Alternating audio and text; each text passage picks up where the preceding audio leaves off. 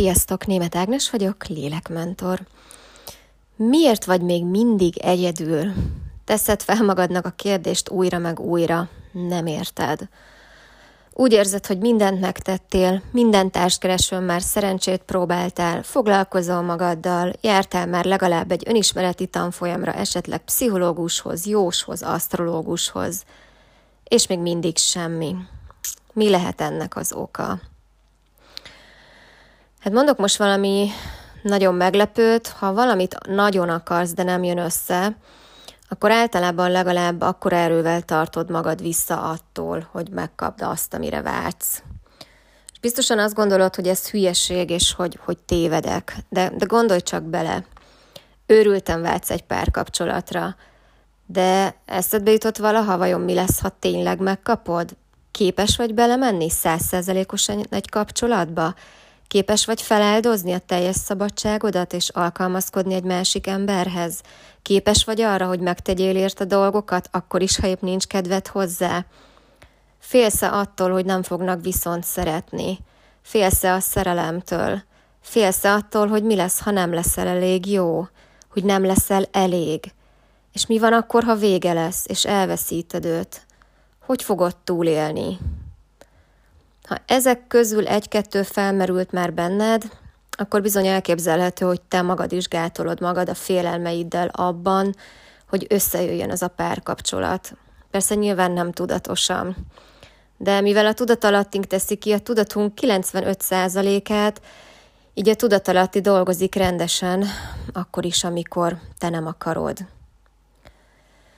Vissza, vissza tudsz esetleg arra emlékezni, hogy te miket hallottál otthon a szerelemről, párkapcsolatról, házasságról, szülőktől, rokonoktól, testvérektől, akár barátoktól. Az emberek tele vannak félelmekkel, megfelelési vágyal és önbüntető működéssel. Biztos te is már hallottál, esetleg gondoltál ilyet, hogy hát valójában nem is érdemlem meg, hogy boldog legyek meg amúgy sincs boldog párkapcsolat, mert mindenki veszekszik, és ez, ez már normális, hogy senki nem boldog igazából, meg hát annyira nem is való nekem a szerelem. És hát minden férfi hülye, minden nő kurva, szóval mindenki gáz igazából. Ismerős valamelyik? Soha nem felejtem el, hogy hú, tizenvalahány éves lehettem, amikor is hát épp álmodoztam valamin, én egy eléggé álmodozós lány voltam, és bementem a, a konyhába, illetve hát a spájzba, és hát beleléptem a gyümölcs tortába, amit anyukám a hűtőszekrény elére lerakott a földre. Na hát tehát természetesen a szüleim nagyon ki akadva, és, és apu rögtön a fejemhez vágta, csak nem vagy szerelmes, mintha a szerelem az egy nagyon bűnös, rossz, szégyelni való dolog lenne. Neked vannak esetleg ilyen gyerekkori történeteid? Vannak olyan mondatok, amik, amelyeket a szüleitől hallottál? Ugyanis ezek is beleégnek a, az ember tudatalattiába. És esetleg úgy fog évekkel később is gondolni a szerelemre, hogy ez egy, hogy ez egy rossz, bűnös, bűnös dolog. Na de mi a helyzet a szülőkkel? Hát ugye akárhányszor párkapcsolati probléma merül fel, vagy szingliség, ugye rögtön ez az első kérdés, hogy na is milyen a kapcsolatod a szüleiddel, milyen volt a gyerekkorod, és hát azért ez nem véletlen. Igazából a párkapcsolat azért is egy nagyon nehéz téma, mert ott éljük újra meg újra át a gyerekkori traumáinkat. A másik ember, a párod, mint egy tükör mutatja meg, mi az, ami benned van. Ezért is mondják azt, hogy akkor tud egy másik ember igazán szeretni téged, ha te tudod szeretni magadat, hiszen ő csak egy tükröt tart. Tehát ha te szereted magad, nyilván ő is azt fogja sugározni, hogy te egy nagyon szerethető ember vagy. Viszont, ha te nem tartod magad elég értékesnek, nem tartod magad szerethetőnek, akkor bármennyire is fájó ezt hallani, de ezt fogod megtapasztalni a párkapcsolatban is. Ha nincs magadra soha időd, akkor lehet, hogy azt fogod megélni, hogy a párodnak se lesz soha ideje rád. Ha gyerekkorodban nem, voltak, nem volt a szüleidnek rád idő, idejük, akkor ez is valószínű, hogy meg fogod élni a párkapcsolatodban. Te amúgy tisztában vagy vele, hogy milyen gyerekkori traumáid voltak?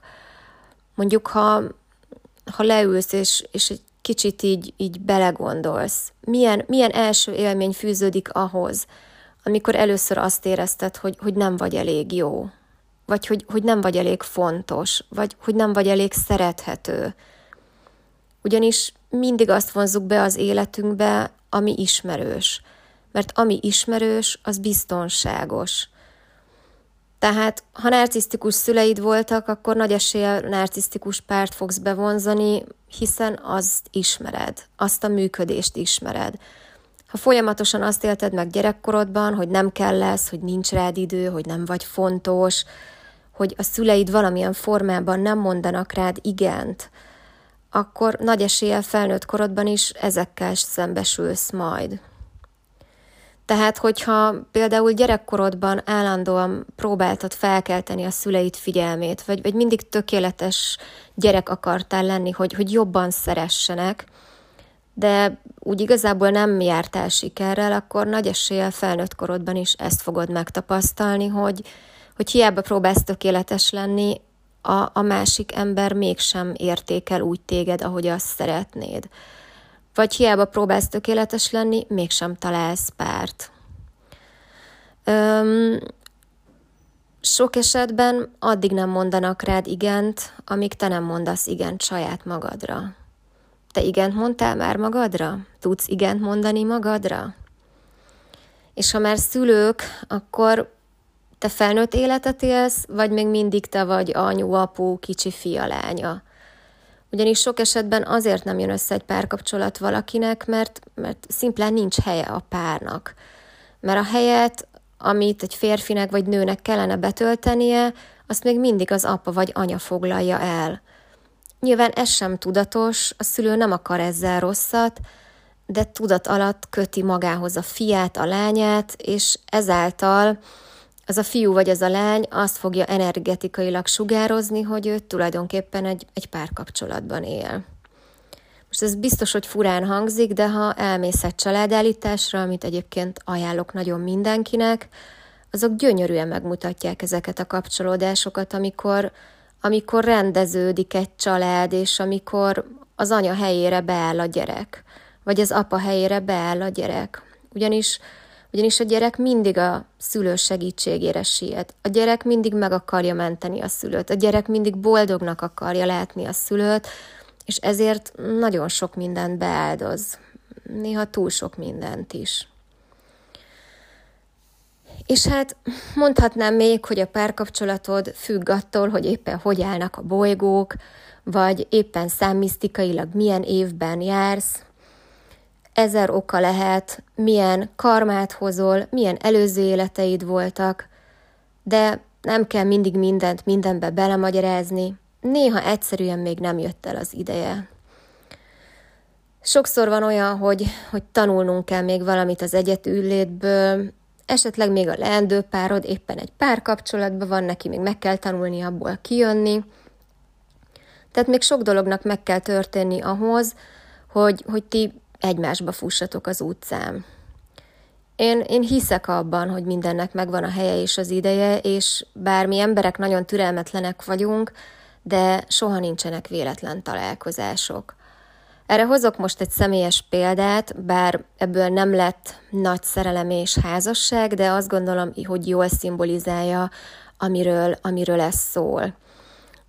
Körülbelül egy éve volt, hogy, hogy Szentpétervárra repültem a szüleimmel egy céges út keretében, és ott voltam a, a repülőtéren, álltam a sorban, éppen nagyon ideges voltam, mert már egy órája álltunk sorba, és reggel hat óra volt, és megpillantottam egy srácot balra tőlem, aki, aki úgy nagyon felkeltette az érdeklődésemet, majd a srác mellett megpillantottam az anyukáját, akit én ismertem ugyanis kiderült, hogy ők szombathelyről jöttek, én pedig szombathelyi vagyok. Öm, ugye először nem tudtam, hogy mi a köze az anyukának a, a sráchoz, de hát oda léptem hozzá, mivel ugye ismertük egymást, és hát kiderült, hogy ő a fia. És hát az is kiderült, hogy valami csodálatos véletlen folytán a csoportunkkal együtt ők is jönnek Szentpétervárra. És hát azt még nem tettem hozzá, hogy onnan ismerem az anyukáját, hogy mi egy utcában laktunk Szombathelyen, illetve hát a szüleim még mindig egy utcában laknak velük. És hát amíg én Szombathelyen laktam, és volt az körülbelül 10, 18 év, addig én nem nagyon futottam össze ezzel a fiúval. Tehát el kellett telnie 38 évnek ahhoz, hogy mi találkozzunk a repülőtéren reggel 6 órakor Szentpéterver felé tartva. Egy hihetetlen, váratlan és sorszerű találkozás volt, ami, ami tökéletesen megmutatta nekem azt, hogy, hogy az ember siettethet bármit, de mindig mindennek megvan a maga helye, ideje, és nem véletlenül vannak a dolgok úgy, ahogy, ahogy vannak. Hoztam nektek még egy idézetet is, megint egy idézet, ami nekem mindig erőt adott, és ami szintén erről a témáról szól. Így szól. Semmi nem érkezik idejében, semmit nem ad az élet akkor, amikor felkészültünk rá. Sokáig fáj ez a rendetlenség, ez a késés. Azt hisszük, játszik velünk valaki. De egy napon észrevesszük, hogy csodálatos rend és rendszer volt mindenben – Két ember nem találkozhat egy nappal sem előbb, csak amikor megértek a találkozásra. Megértek nem éppen hajlamaikkal vagy szeszélyeikkel, hanem belülről valamilyen kivéthetetlen csillagászati törvény parancsa szerint, ahogy az égitestek találkoznak a végtelen térben és időben, hajszálnyi pontossággal, ugyanabban a másodpercben, amely az ő másodpercük az évmilliárdok és a tér végtelenségei között. Ezzel zárnám akkor a mai mondandómat. Köszönöm a figyelmet, és kitartást ne adjátok fel. thank you